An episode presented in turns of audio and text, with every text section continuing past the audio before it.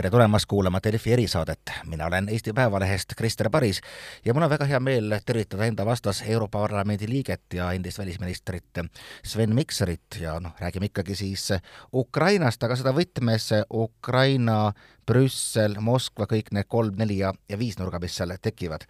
no vaatasime, nüüd on tulnud ka sel nädalal Brüsselist huvitavaid uudiseid, et noh, eile näiteks Euroopa Parlament võttis vastu resolutsiooni, milles nõutakse muuhulgas Vene energia, energiakandjate impordi no peatamist. ja samas nagu liikmesriigid arusaadavalt vingerdavad, et väga-väga isegi, isegi ei taha seda. ma kõigepealt küsin ka seda, kas noh, kui selliseid resolutsioone vastu võetakse, kas Europarlamendi liikmed noh, noh tegelikult ka neid noh, vastuargumente noh, kaaluvad ja, ja aduvad, et noh, tegelikult võib öelda, et mõnel puhul võib see täiesti olla võimatu öelda kohe see, ütleme, homsest ei Vene energiakandjatele? Europarlament toimib täies teadmises, et Europarlamendi resolutsioonid ei ole pealinnadele siduvad ja ei kohusta tegelikult eh, kuidagi eh, nõukogu otsustama ühte või teistpidi. sanktsioonid Euroopa Liidus on valitsustevaheline kokkulepe, eh, mis peab olema üksmeelne, mis tähendab seda, et tihtipeale need otsused on nii tugevad, kui on keti kõige nõrgem lüli. Ja on ju ka erimeelsused nõukogu laua taga teadaolevalt, on riike, kes tahaksid minna palju suuremate sammudega, palju radikaalsemalt edasi ja on riike, kes eh, vaatavad oma eh, kodumaiseid muresid ja vajadusi ja ja, ja blokivad võib-olla selliseid kõige eh, tugevamaid, radikaalsemaid ettepanekuid. Euroopa Parlament jõuab oma otsusteni muidugi väga põhjalike arutelude järel ja eks kõigis poliitilistes gruppides äh, kõlavad ühte ja teistpidi argumendid ja ja nad isegi alati ei lähe päris äh, siis rahvuslike delegatsioonide jooni mööda, et ka näiteks äh, sotsiaaldemokraatide Saksa delegatsioonis on üsna-üsna kirju see palett arvamustest, et noh, miks Saksamaast jutt, eks ühest küljest sellepärast, et on üks enim Vene gaasist sõltuvaid või Vene gaasi tarbivaid Euroopa Liidu riike. Äh, teiseks on ta loomulikult suur liikmesriik, mis tähendab, et, et tema esindajaid ka Europarlamendis on palju. Äh, aga äh, Euroopa Parlament oma, oma resolutsioonides kindlasti käib mõnevõrra siis nõukogu otsustest, pragmaatilistest täitevvõimu otsustest ees, aga väljendab väga selgelt ka seda, milline on siis selline ühiskondlik taju ja, ja suhtumine Euroopa Liidus, nii et ma usun, et see, et, et ikkagi võeti vastu resolutsioon, mis kutsub täielikult äh, peatama äh, siis äh, Venemaalt pärit kütuseid, mitte ainult sütt, vaid ka naftat ja gaasi ja tuumakütust. et see kindlasti on märk ka nõukogule, mida parlament neilt ootab. no missugune see Saksamaa praegune siis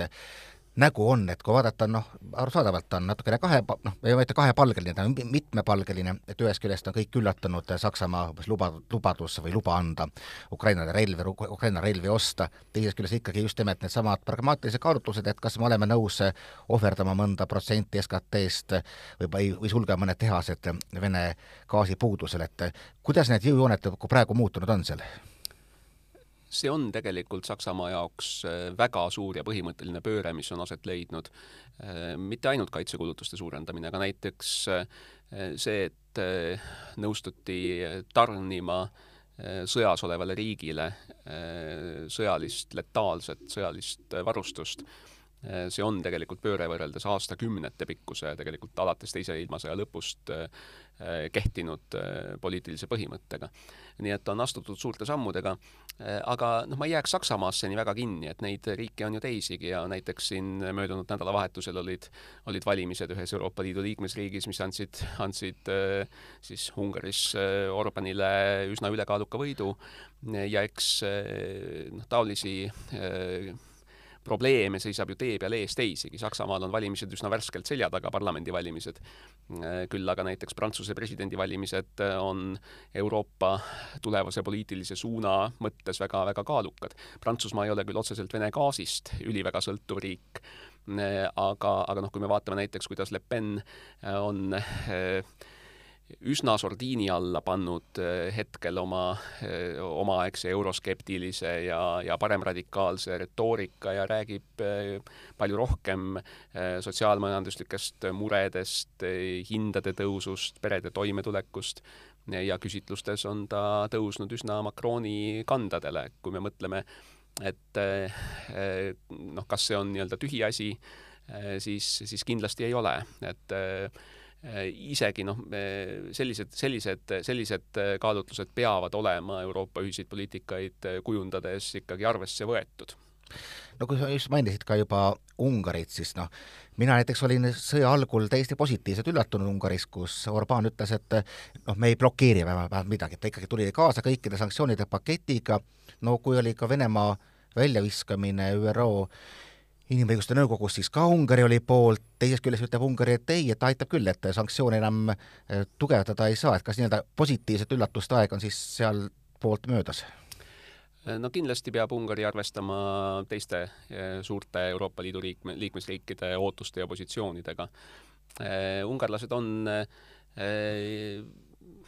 noh, üllatanud eh, mõlemat pidi, jah. Nad ka ju eile hääletasid selle poolt, et, et Venemaa arvata välja Inimõiguste Nõukogust, ka eelmisel hääletusel hääletasid Euroopa Liidu riikidega ühtemoodi, samas just äsja eh, võtsid vastu pärast sõja algust esimese tuumakütuse saadetise eh, või tarne Venemaalt. Ja on ka öelnud, et jah, söest kaugemale ei tohiks energiakandjate impordikeeluga minna. no samas, kui me mõtleme, milliste summadega Euroopa Liit tegelikult äh, siis äh, toetab Vene majandust ajal, kus me tegelikult oleme strateegiliseks eesmärgiks seadnud Venemaa majandusliku nõrgestamise ja tööstusliku nõrgest-, nõrgestamise, et need summad siin erinevate kalkulatsioonide järgi ikkagi ulatuvad sinna miljardi euro lähedusse või miljard, miljardi dollari lähedusse päevas ja, ja, ja kui me räägime näiteks sellest söeimpordi keelust, siis eh, siin me räägime, ütleme, viiest eh, miljardist dollarist, neljast miljardist eurost aastas. et see on, see on umbes eh, noh, nädala jagu kogu Venemaa energiakandjate ekspordist. nii, põhimõtteliselt võime öelda seda, et, et me toetame tegelikult Venemaad rohkem kui Ukrainat no eh, siin on tegemist loomulikult nii-öelda kauba ostmisega raha eest, eh, et eh, selles mõttes ei ole tegemist nüüd otseselt Venemaa toetamisega, aga kahtlemata on see tuluallikas, millest Venemaa finantseerib oma sõda. nii et kui me tahame nõrgestada Venemaa võimet seda sõda pidada ja tahame, et Venemaa oleks sunnitud selle sõja võimalikult kiiresti lõpetama ressursipuudusel, siis kahtlemata on energiakandjate impordi keeld, täielik embargo on äh, kõige kiirem tee selle saavutamiseks no kui nüüd tulid äh, nädal aega tagasi, siis hakkasid tulema esimesed pildid Butšast, öeldakse, et mujal võib olla asi veelgi hullem, kus on toime pandud selgeid sõjakuritegusid ja noh, selge, et äh, rahvusvaheline avalikkus, elanikkond on, on šokis. et kuivõrd sa tunne, tunned, et need liikmesriikide valitsused ikkagi sellist rahva šokki järgivad ja sellest lähtuvalt ka oma otsuseid kujundavad? Kindlasti avalikku arvamust poliitikud võtavad arvesse ja valijate ootus on poliitikutele äh, käsuks. Aga valijatel on loomulikult erine, erisuunalisi ootusi. Ja tihtipeale paraku seal, kus see võib-olla vahetu ohutaju Venemaa suunal on madalam, äh, need äh, seosed, mis erinevate, erinevate piltide, erinevate ootuste, erinevate vajaduste vahel on, ei ole inimestele nii üheselt selged. ühest küljest soovitakse, et valitsused oleksid karmid Venemaa vastu, teisest küljest ollakse valmis neid samu valitsusi maha hääletama, kui bensiini hind tanklas või, või, või leiva hind poes tõuseb ja, ja loomulikult noh, tuleb arvestada, et teatud haavatavam osa elanikkonnast noh, väga vahetult ka, ka tunneb seda mõju omal nahal. Eh, nii et, et kindlasti ma arvan, eh, on eri, erakordselt oluline, et kõigis Euroopa riikides valitsused ka üritaksid seda nii-öelda tõelist sotsiaalmajanduslikku kitsikust vaesemal osal elanikkonnast leevendada, et astutaks selliseid samme, mis on suunatud nagu suuremale solidaarsusele ka riikide sees. nii on lihtsam hoida avalikku toetust ka, ka Ukraina abistamiseks ja Venemaa agressiooni tõrjumiseks. no just, et üks koht, kus seda hästi näha on, on põgenike laine, et noh, ma ise sõitsin just Ukrainasse läbi Slovakkia, kus ka inimesed tundsid selget muret, et noh, et mitte ainult ei ole riigile koormaks, vaid omaenda töökohad on, on ohus, et ja, ja ka siin Eestis kostub hääli, et miks no just nagu eelistatakse põgenikke nendele, kes on kohapeal ja on, ja on ka hädas, et kui suuret ohtu sa näed, et tegelikult see kriis hakkab viimaks ikkagi toitma populiste ja praegu on põgenikekriisis Euroopa näidanud oma nii-öelda parimat nägu, aga see ei saagi igavesti kesta. no me oleme seda varem näinud, et selline olukord, kus suurel hulgal põgenikke riiki saabub, on, on väga vastuvõtlik igasugusele sellisele hirmu külvamisele. ja paljud neist hirmudest, mida üritatakse ühiskonnas külvata, on alusetud, aga, aga noh, see ei tähenda, et neil ei oleks reaalset mõju. noh, mis nagu tegelikult nagu sellised nagu kõige nõrgemad doominokivid, noh, Prantsusmaast me rääkisime, Ungarist me rääkisime, noh, Bulgaariast on mainitud, kas võime mingi hetk jõuda ikkagi olukorrani, kus noh, ikkagi mõned, mõned riigid kas siis teadlikult Venemaale järele andes või siis ka viienda kolonni survel või puhtalt sellepärast, et tehakse poliitilisi kaalutlusi, veel kas või selle aasta jooksul hakkavad blokeerima kõiki algatusi Venemaad ohjeldada? Ma ei tahaks seda uskuda, ma arvan, et Äh, mõistmine sellest, milline eksistentsiaalne oht on tegelikult kogu läänelikule demokraatiale ja äh, ka Euroopa Liidu ja NATO taolistele organisatsioonidele, see, mida Venemaa täna Ukrainas teeb, äh, see mõistmine on päris, päris tugev. see on kindlasti kordades tugevam, kui ta oli veel kaks tuhat neliteist. toona noh, nähti seda mingisuguse väga lokaalse sellise arusaamatu, mõne, mõnevõrra arusaamatu asjana kusagil, kusagil idas täna seda nähakse siiski väga selgelt väljakutsena kogu rahvusvaheliste suhete süsteemile, kogu sellele reeglitepõhisele maailmakorrale. Ja, ja kui peaks Venemaa sellest konfliktist välja tulema võitjana, siis, siis kahtlemata sellisel kujul, nagu me teame, seda läänemaailma enam ei ole. nii et ma usun, et see mõistmine kindlasti sunnib ikkagi kõiki riike väga resoluutsele käitumisele, aga see ei tähenda, et äh, nii-öelda kodumaised mingid valimiskalendrid või, või muud sellised äh, kaalutlused aeg-ajalt ei, ei kipuks seda konsensust kuidagi nagu kahjustama või raskemaks muutma. no veel üks organisatsioon, kes nüüd arutas Ukraina küsimust, on siis NATO sõjaline allianss ja seal näib ta nagu vähemalt pilt paistab olevat päris hea, et noh, mõned riigid nagu Tšehhi saadavad nüüd, on küll vanu, aga ikkagi saadavad tanke Ukrainasse, on nõus neid isegi remontima, noh kui rahul te olete sellega, et noh, mida allianss juba praegu lubanud on ja mida ta ka päriselt teeb? jällegi võib vaadata ka seda klaasi, kas ta on nüüd pooltäis või pooltühi. see, kuidas näiteks Euroopa Liit kollektiivselt on finantseerinud sõjalist abi, kuidas üksikud riigid on lubanud asju, mida kunagi varem pole tarnitud Eh, see on muljetavaldav. Teisest küljest vajadus on kahtlemata veel palju suurem. Ja kui nüüd Venemaa regrupeerib oma vägesid ja, ja viib selle lahingutegevuse fookuse Ida-Ukrainasse, siis Donbassi, siis kindlasti ka vajadused muutuvad lähtuvalt sellest, milline on siis lahingutanner ja maastik seal ja, ja kindlasti see Ida-Ukraina ei soosi äh, sedavõrd eh, sellist kerget õlalt lastavate raketisüsteemidega soomusformatsioonide peatamist nagu ütleme, Metsasem ja ja sellise tihedama asustusega võib-olla või väike, väike, väikeste linnakeste küladega Kiievi lähiümbrus nii et, et kahtlemata Ukraina vajab äh, veelgi suurema ulatusega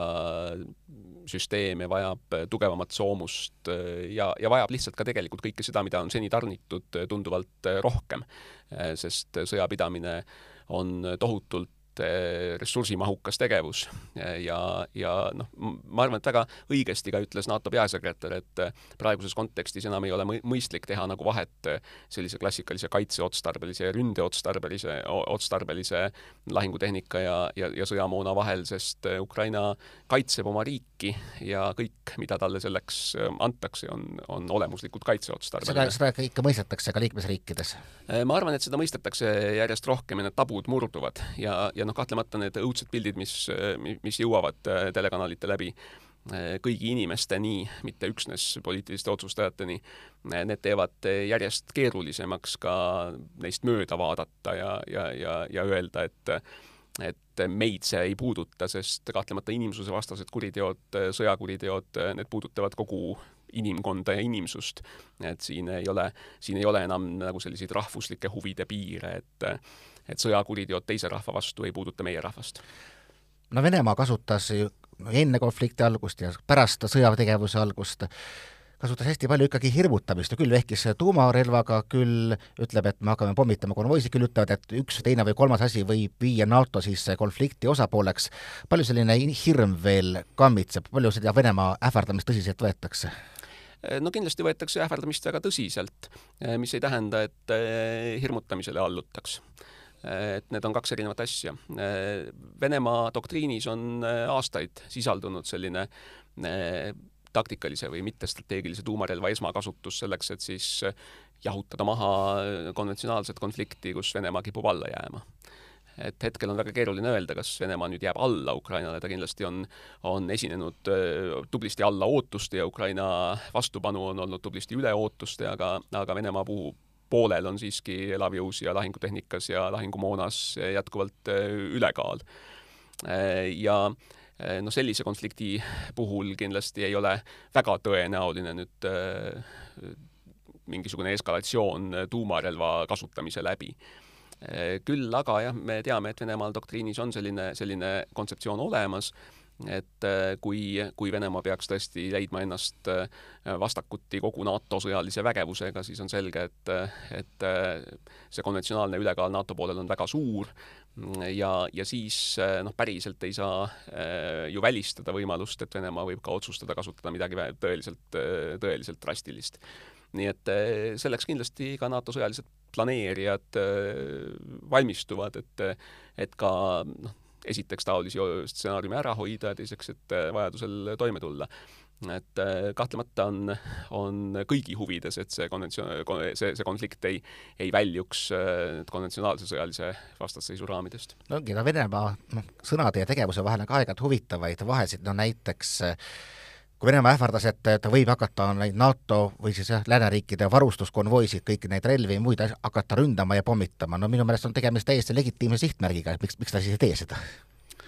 ma arvan, et äh, Venemaal on siiski äh, mure selle pärast, et äh, lääne sõjaline abi, majanduslik abi Ukrainale neid, neid kaalukausse muudab ja noh, kui äh, kui NATO-s peljatakse, et näiteks äh, äh, NATO lennukite lähetamine Ukraina õhuruumi turvama ja, ja potentsiaalseid Vene agressoreid siis alla tulistama sealt õhuruumist, et selline asi võib äh, viia siis vahetu sõjalise kokkupõrkeni NATO ja Venemaa vahel, või noh, ta juba ongi tegelikult sellisel juhul ju vahetu sõjaline kokkupõrge NATO ja Venemaa vahel, eks siis ka Venemaa pelgab, et NATO riikidest lähtuvate konvoide ründamine Äh, võib äh, viia Vene, Venemaa jaoks tagajärgedeni, mis, mis ei ole Venemaa jaoks äh, kuidagipidi soodsad no vaatame veel lõpetuseks ka seda, mida pelgavad ukrainlased, kui ma käisin seal, siis ma kuulsin ka mitmelt poolt ühte sama sõnumit. me ei kardagi niivõrd sõda, küll me hakkama saame või siis ei saa, aga, aga et me kardame läbirääkimisi, et tuleb lääs ja sunnib meie riik, meie liidreid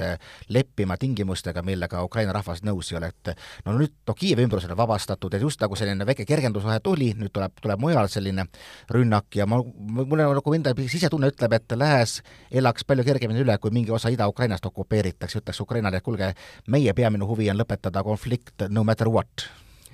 no on eh, üksikud hääled Euroopas, kes, eh, kes seavad selle vaherahu nii-öelda esiplaanile ja ütlevad, et et eh, tuleb kõigepealt panna relvad vaikima ja siis hakata läbi rääkima selle üle, milline on sõjajärgne siis territooriumide jaotus ja, ja, ja, ja muu elukorraldus. Noh, samas üldine arusaamine on ju, et et Venemaa ei ole kunagi loovutanud läbirääkimiste teel ühtegi tolli või ühtegi ruuttolli maad, mille ta on sõjaga enda kätte haaranud. Eh, nii et eh, kindlasti on sügavalt ebamoraalne, oleks eh, lääneriikidel hakata Ukrainat survestama loobuma mingist osast territooriumist. siis võiks ju põhimõtteliselt küsida, et võib-olla kui, kui Lääs on valmis ära andma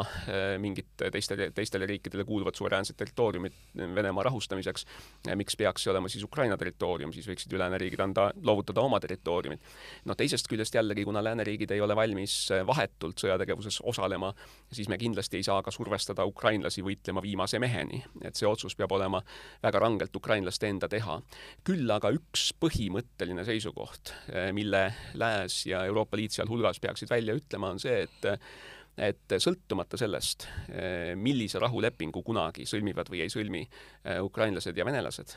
sõjakuriteod on aegumatud, sõjakuriteod jäävad sõjakuritegudeks ja mingisugust sõjakuride ande, kuritegude andestamist ei nende vahetutele toimepanijatele ega poliitilistele juhtidele ei, ei tule. et Euroopa Liit läheb edasi ja demokraatlik maailm läheb edasi ja läheb lõpuni sellega, et tuua sõjakuritegude toimepanijad kohtu ette ja, ja mõista nende üle õiglast kohut. ja noh, siis veel viimane küsimus, mis otseselt johtub eelmisest, kas läänemaailm on valmis kuidagi haarama Venemaa varasid ette nii-öelda maksta kontributsioonideks Ukrainale, vaevalt et Venemaalt endalt tuleb midagi?